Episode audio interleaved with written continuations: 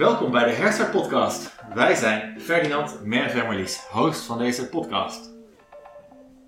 Deze podcast is voor iedereen die meer wil weten over hulp aan mensen die dak- en thuisloos zijn en zich melden bij Herstart aan de Nieuwe Gracht in Utrecht. En dit is de eerste keer dat we hier samen zitten. We zitten nu op een zoldertje op de Nieuwe Gracht. En het echoot hier een beetje, maar wij hebben ons gewoon voorgenomen. Wij gaan nu de eerste aflevering opnemen. Maar wie zijn we eigenlijk? Uh, waarom hebben we deze ideeën? En uh, hoe gaat deze podcast vorm krijgen? Dat hebben we bedacht voor deze keer. Dus misschien kunnen we gewoon beginnen met onszelf een beetje voorstellen. Uh, wie ben jij bijvoorbeeld, Merve? Nou, ik ben dus Merve, officieel uitgesproken als Merwe. Mijn collega's oefenen daar, daar goed op. Ik ben uh, inloopmedewerker bij Herstart. En uh, inloop uh, is een plek waar de dak- en thuisloos van Utrecht overdag komen voor de basisbehoeftes. ik ben 26 jaar oud en ik ben inmiddels, ik denk 7 jaar, aan het werk in de inloop. En um, ja, dat is wat ik doe. En moeten we je nou Merve gaan noemen in de podcast of Merve? Ja, dat is dus uh, wel een beetje de, de vraag. Alleen ik weet niet meer wat ze nou bij de introductie hebben bedacht. Daar hangt het natuurlijk een beetje vanaf wat het moet worden. Maar uh, ja, dat, dat is uh, wie ik ben. En ik zie hier ook staan rol in herstart. En mijn rol in herstart is denk ik... Um, mijn officiële rol is natuurlijk inloopmedewerker. Mijn inofficiële rol is influencer en uh, beïnvloeder van uh, iedereen die hier rondloopt. Klopt, klopt. En op welk gebied dan? Alles. En jij, je had dus je opleiding afgerond. Je was 19 jaar en je dacht, wat wil een meisje van 19 worden? Ik ga werken met dak- en thuisloos in Utrecht. Zeker, dat was mijn droom. Al sinds ik uh, ben afgegaan van, van mijn droom om prinses te worden. nee, nee. Nee, ik um, had op de opleiding Sociaal-Pedagogische Hulpverlening. Toen heette dat nog zo. Inmiddels is het Social Work. Um, een, een gastcollege gehad van iemand die, uh, die dakloos was geweest. En dat uh, inspireerde mij. Dus ik dacht, ik ga een keer stage lopen. Toen ben ik bij het Katerijnenhuis terechtgekomen. En daar ben ik eigenlijk nooit meer weggegaan. Inmiddels is dat nu herstart geworden. Heb je nog wel eens contact gehad met die persoon van het gastcollege? Nee, nee, ik weet ook echt niet wie. Ik kan me niet meer herinneren wie dat is ook. Ja, dat was in mijn eerste jaar van de opleiding. Ah ja. Ja, ja, ja. En wie is Marlies? Nou, ik ben Marlies. Ik ben uh, 35. Ik werk ondertussen al een jaar of 13 in de inloop. Um, ik ben uh, coördinator van de inloop. Dus uh, ik probeer te zorgen dat het team gewoon hun werk kan doen.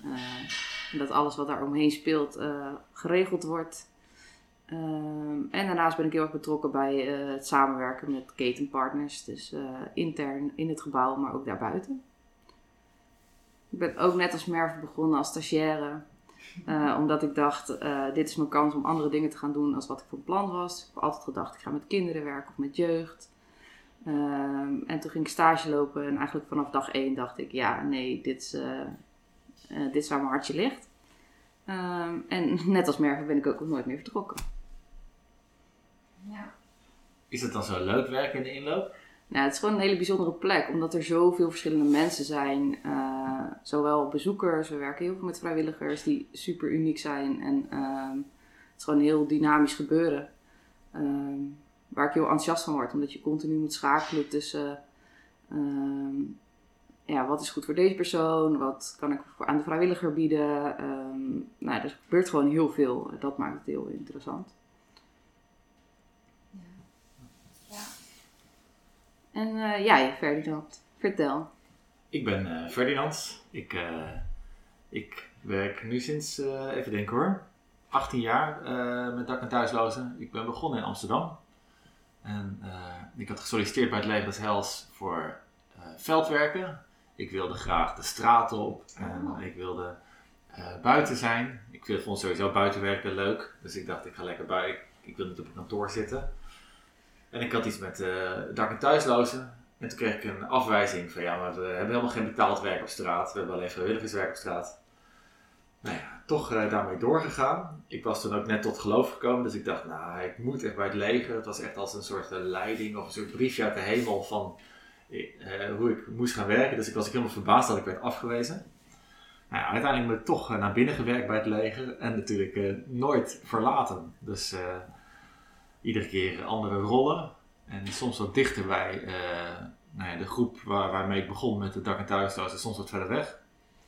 En eh, eigenlijk des te verder weg ik kwam, des te minder plezier ik had bij, eh, bij het leger. Dus, dus ik ben blij dat ik hier nu bij Herstart werk. Ik ben, mijn functie heet hoofd. dat heb ik zelf bedacht ooit.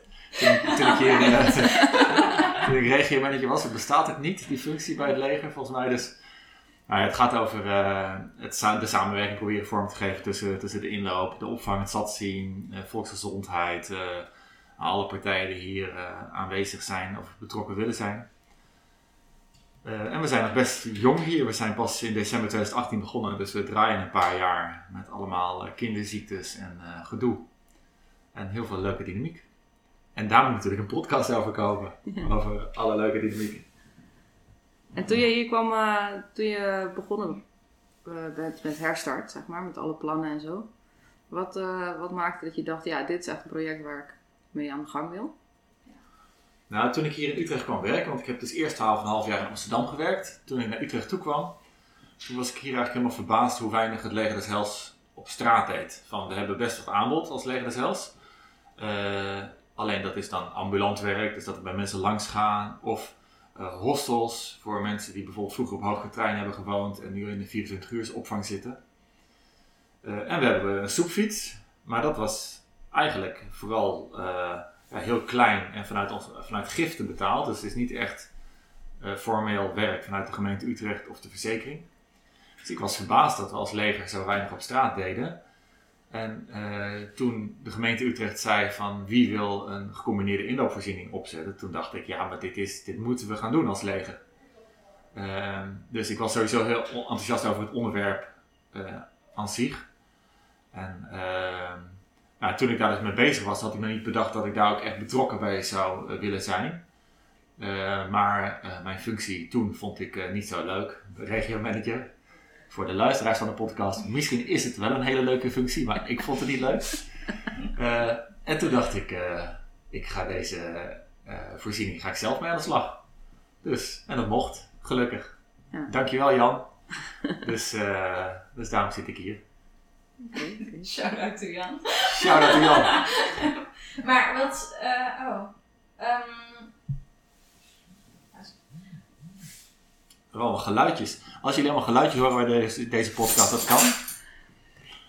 Maar eh, dat komt omdat wij een beetje aan het oefenen zijn nog. maar wat had jij voor ogen toen je herstart eh, als project kreeg? Wat, wat wilde je sowieso eh, erin verwerken? Nou, we zijn waren ook samen aan het dromen. Met de gemeente Utrecht zijn een paar sessies geweest over de toekomst van de daklozenopvang. Hoe moet het er nou uit gaan zien in de toekomst? En eigenlijk de toekomstdroom is dat als iemand dakloos wordt, dat hij dan direct in een huisje kan. Dus housing first. Eh, want eh, dakloosheid bestrijd je met een dak. Dus je moet iemand een dak geven als iemand geen huis heeft.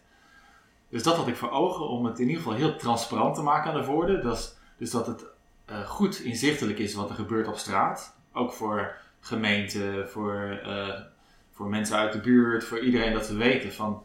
Hey, hoe zit het nou eigenlijk? Ik denk dus dat we een hele belangrijke signalerende functie hebben. Eh, dat zie je ook in deze tijd bijvoorbeeld rond de Oost-Europeanen op straat. Daar zijn wij eigenlijk een soort eh, klokkenluider bijna van hé, hey, pas op, er gebeurt hier iets. Ehm, en aan de andere kant moeten we eh, vernieuwen in de zorg, omdat het echt de, de norm is dat iemand die dakloos wordt eerst naar een nachtopvang gaat en dan naar een 24 uursvoorziening. En daar zijn we al jaren ontevreden over. Met z'n allen willen we dat anders, maar dat lukt maar niet. Dus dat is mijn, eh, dat is mijn visie nog steeds ook om daarbij betrokken te zijn. En dat is echt taai en lastig en dat lukt ook niet. Ook de, allemaal factoren waar we geen invloed op hebben, zoals huisvesting, regelen. Ehm, maar dat, eh, dat is een van de componenten waar ik, eh, waar ik verandering in zou willen brengen. Eh, nou, signalering is dus een andere, maar natuurlijk ook gewoon het contact met de mensen op straat. Van dat we daar nou ja, goede aansluiting in vinden, samenwerking. Want iedereen, soms zeggen we wel eens, ja, de dakloze. En dan, als je dan eh, iemand van de media hier hebt, dan zoeken ze een plaatje met iemand met een baard en een eh, winkelwagentje. Ja. Maar dakloosheid, dat is net zo verscheiden als gewoon, eh, nou ja, als je in een gemiddelde buurt kijkt of in een winkelstraat, je hebt zoveel soorten en typen en mensen en problemen en kansen. En ik denk, zo moeten we dus ook mensen benaderen die eh, ons bezoeken in de inloop en ook bij het stad zien. en ook in de, die bij ons in de opvang komen. En dat vraagt ook een hele ingewikkelde samenwerking soms van, ja, met partijen vanuit eh, de psychiatrie, vanuit de verslavingszorg, vanuit uh, verstandelijk beperkte zorg. Maar ook gewoon richting werk, richting normaal werk, dus aanhalingstekens. Dus niet alleen maar mensen die schroefjes gaan draaien, maar die ook worden ingezet op een talent. Dus dat is, eh, dat is waar ik aan dacht bij de start hier. Mooi. En hoe zie je dat nu terug? eh, nou, misschien kun jij er iets over vertellen, maar even dat je eh, die samenwerkingsverband, eh, dat is natuurlijk het ding bij Herstart. Ja. Eh, hoe zie je dat terug als jij aan het werk bent in de inloop? Ehm, ja, dat is een hele goede vraag. En er zijn, eh, ja, graag gedaan, Marlies. ja, we zijn trouwens eh, heel erg aan het oefenen met accepteren van complimenten. Want we vinden dat heel belangrijk eh, om als hulpverleners eh, complimenten actiever te, te ontvangen. Ehm, maar in de inloop, ja, ehm, in het Katerijnenhuis was het heel anders. En ik, ik zie dat vooral terug in, in een vergelijking daarmee. In het Katerijnenhuis waren we vaak een soort van eiland, ehm, eh, waarin enkele hulpverleners ons wel wisten te vinden en daarmee ook hun, eigen cliënten. Ehm, maar heel veel hulpverleners ook niet. En het, het, ik denk dat het voor veel mensen ook wel een beetje spannend was om zomaar naar binnen eh, te stappen. En, eh, en dat veel mensen ook niet wisten dat het mogelijk was. Ehm, en de inloop is wat dat betreft voor mij in ieder geval veel laagdrempeliger voor veel hulpverlening en ketenpartners.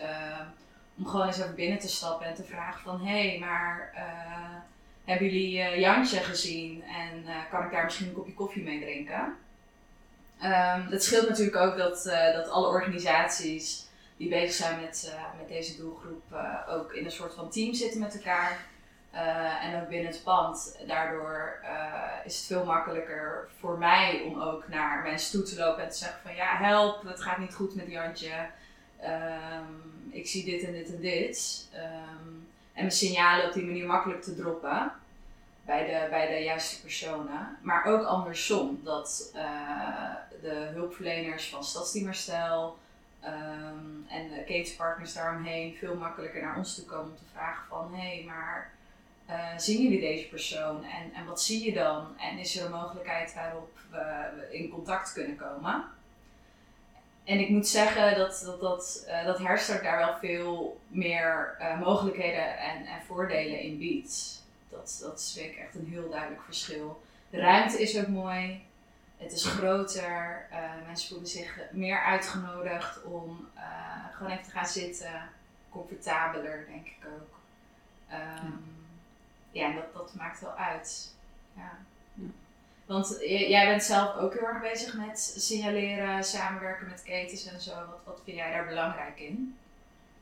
Ehm, nou, ik vind het vooral heel belangrijk dat eh, iedereen eh, iemand heeft die zich druk op me maakt. Dus Hmm. ik, ik eh, vind het heel lastig om te zien als er een bezoeker is waar gewoon geen enkele hulpverlener bij betrokken is. Ehm, en daarin wil ik wel graag een rol spelen om te kijken van hey, kunnen we er iemand aan koppelen die zich wel druk maakt om deze persoon en wel deze persoon ziet. En Ja. eh, in de inloop zijn wij daar natuurlijk heel druk mee, omdat we gewoon koffie kunnen drinken met mensen. Ehm, we investeren heel veel in contact met mensen. We bouwen best wel veel eh, lijntjes met mensen of bandjes op. Ja. Ehm, maar daar houdt het niet op. En Ja. ik vind het gewoon heel belangrijk dat mensen, ehm, ja, dat mensen zich hard maken voor onze bezoekers. En ehm, Ja.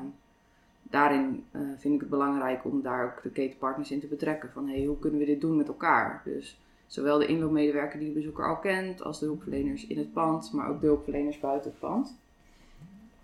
Ehm, ja, nee, dus daar, daarin investeer ik eh, vrij veel. Ja. Ja. En mocht er nou iemand meeluisteren, deze podcast, die niet in Utrecht woont, maar ergens in Limburg, dan een kleine situatieschets. ja, dat is wel goed. Als je hier voor het pand staat en je kijkt naar rechts, dan zie je de Domtoren. Je staat aan de gracht in Utrecht.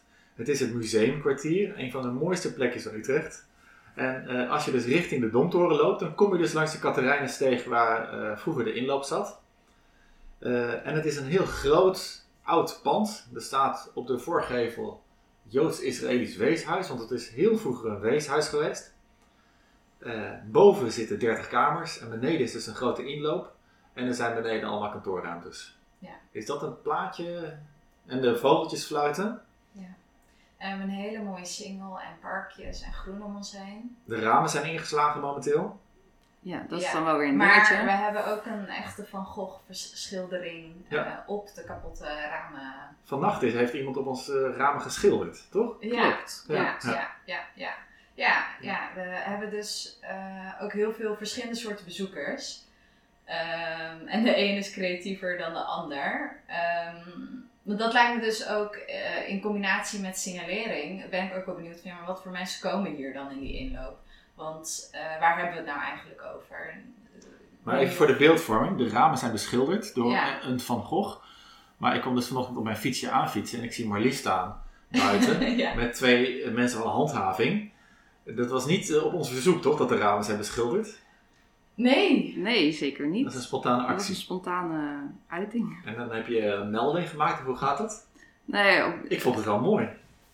ja, nee, ik heb geen melding gemaakt. Eh, ik was wel aan het nadenken van, goh, wat moeten we hier nu mee? Ook met het zicht op eh, dat ik me zorgen maak om deze bezoeker. Mhm. Ehm, dus ik was daar nog een beetje over aan het nadenken van, wat is nu wijs? Eh, en op dat moment kwam handhaving langs fietsen. Die kende mij natuurlijk, dus die vroeg gelijk, ehm, Marlies, wat is er gebeurd? Ehm, dus we hebben het daar even over gehad, maar we hebben daar verder nu eh, geen extra actie op gezet. Eh, maar het is wel mooi om te zien hoe we die samenwerking hebben met zowel handhaving als politie, eh, als hulpverlenende partijen. Omdat de, nou, soms is het gewoon heel complex in ehm, hoe regel je zorg voor iemand of wat is er nou eigenlijk goed voor deze bezoeker. En dat kun je niet in je eentje beslissen. Dus daar heb je elkaar voor nodig om te kijken van... hé, hey, waar doen we nu goed aan? En hoe zorgen we nu goed voor iemand? Ja. Ehm, dus daarom is het heel belangrijk dat we elkaar gewoon weten te vinden in deze... en dat we daarover kunnen hebben. Ja. Ja, bij de inloop, je, hebt, de- je kan hier dus gewoon naar binnen lopen in het pand. Ja. En dan eh, is er een grote ruimte en dan kan je een koffie drinken. Daar moet je voor betalen. Toch? Ja, 30 cent en Dus als 15 cent voor een half bakje. Dus als een bedelaar hier in Utrecht naar je toe komt en die zegt mag ik 30 cent voor koffie bij het leger zelf, dan kan het kloppen. Ja, zeker. En Ja. dat kan ook 10 cent voor kaas. Nou ja, kijk, we zijn ehm, heel relatiegericht, hè. Dus ehm, ik sta zelf niet zo vaak achter de bar. Dat laat ik meestal over aan mijn vrijwilligers. Ehm, die mogen de bar dan runnen, dus ook koffie uitdelen.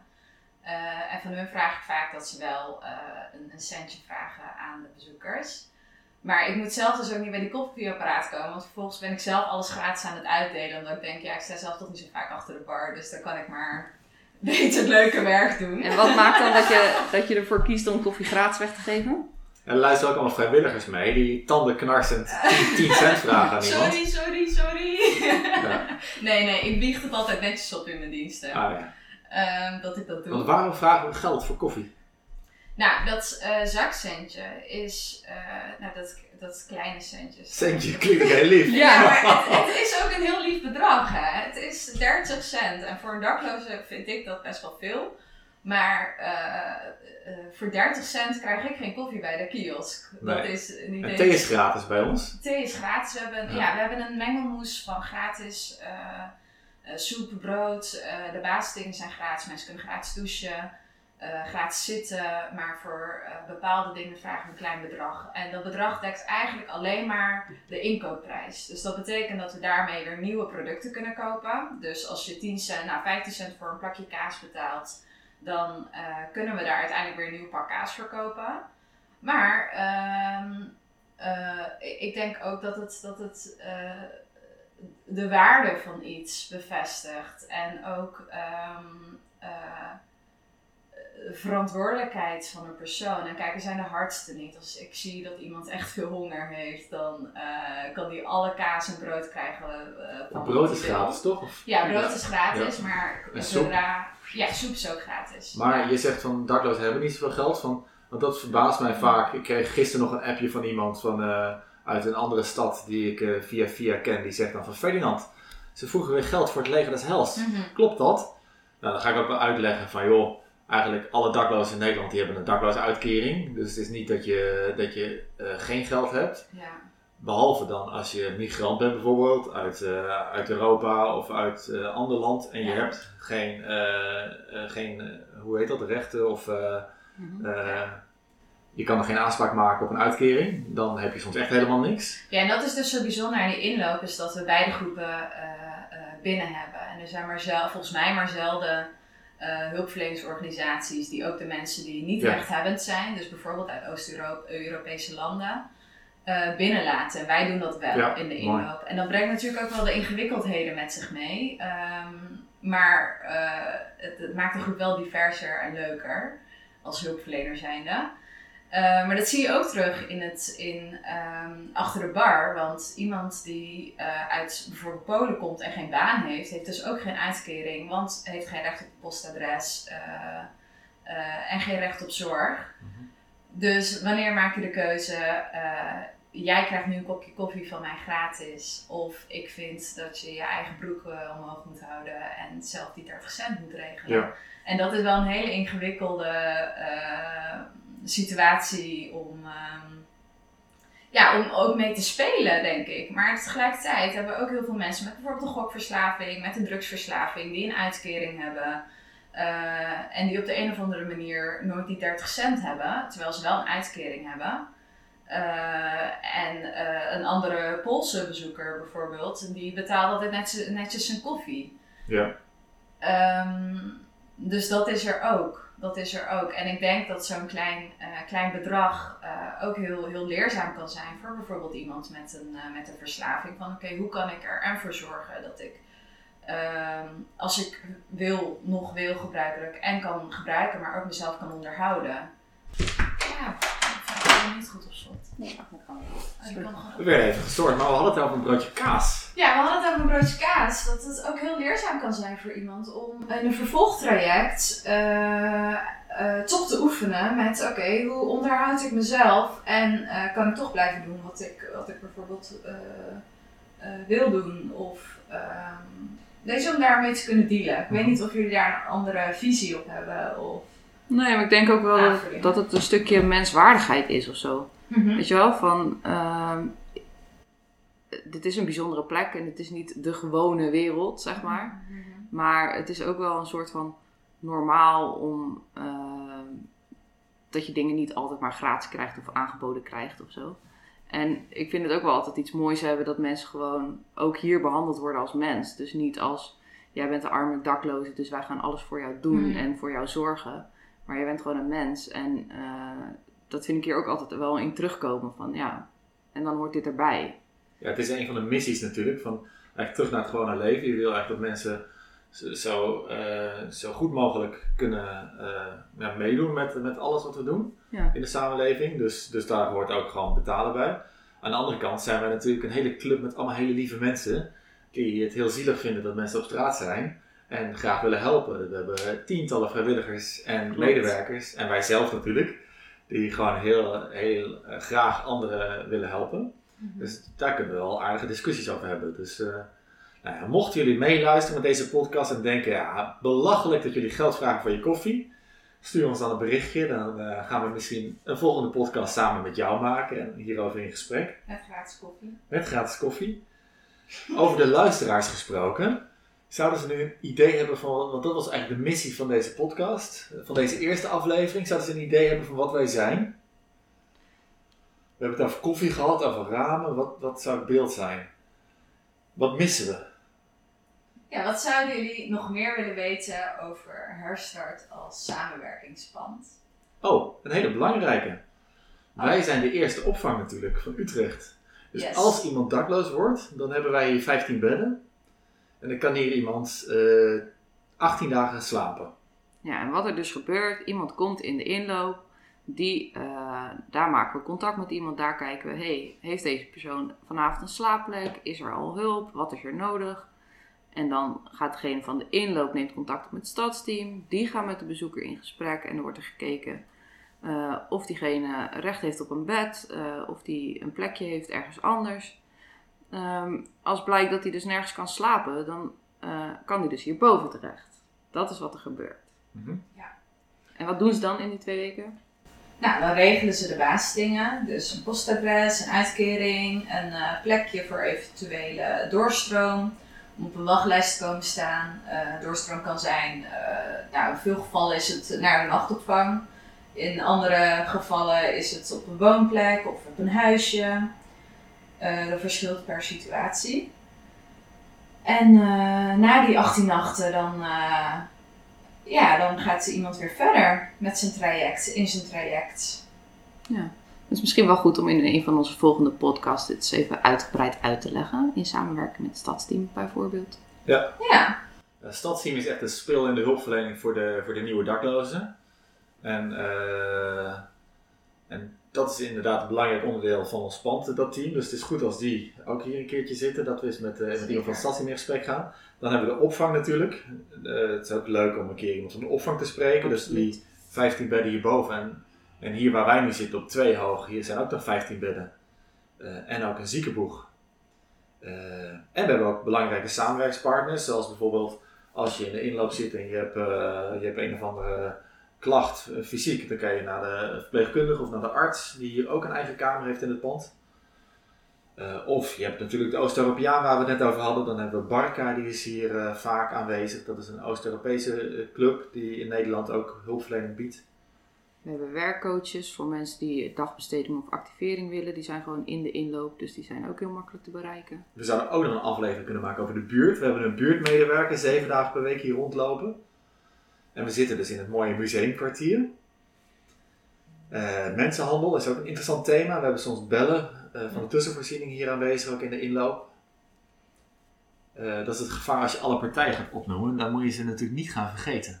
De vrijwilligers, de, de, de, de hoeksteen van Herstart. ik hoop dat ze geen rechtszaak beginnen omdat we hun namen noemen. De vrijwilligers? Nee, de organisaties. De organisaties die zijn eh, hartstikke steunend. Ook toen We we houden van jullie. Merve maakt nu een hartje met haar handen, dat jullie dat ook weten. Eh, oh, de rechtszaken dat we ze zijn vergeten bedoel je? Nee, rechtszaken omdat we hun naam noemen in een podcast waar ze niets mee te maken willen hebben. Nee, ze voelen zich gestreeld en geëerd. Maar mochten jullie klachten hebben, dan kunnen jullie een mail sturen naar Merve Jikomas, apenstaartje legerdeselfs.nl. Zet mijn adres er ook bij. Ehm, nou, leuk. Wat we verder gaan doen, maar we zitten nu al door onze tijd heen. Maar bij de volgende podcast gaan we de gasten, en als jullie dus goed luisteren gasten, dan kunnen jullie alvast voorbereiden, gaan we drie vragen voorleggen. En die vragen zijn, je kan vannacht niet bij je eigen huis slapen. Je kan niet bij vrienden of familie en je hebt geen geld voor een hotel of iets. Waar ga je slapen? Dat is vraag 1. Bereid je voor. Eh, vraag 2. Welk liedje zou je kiezen bij karaoke?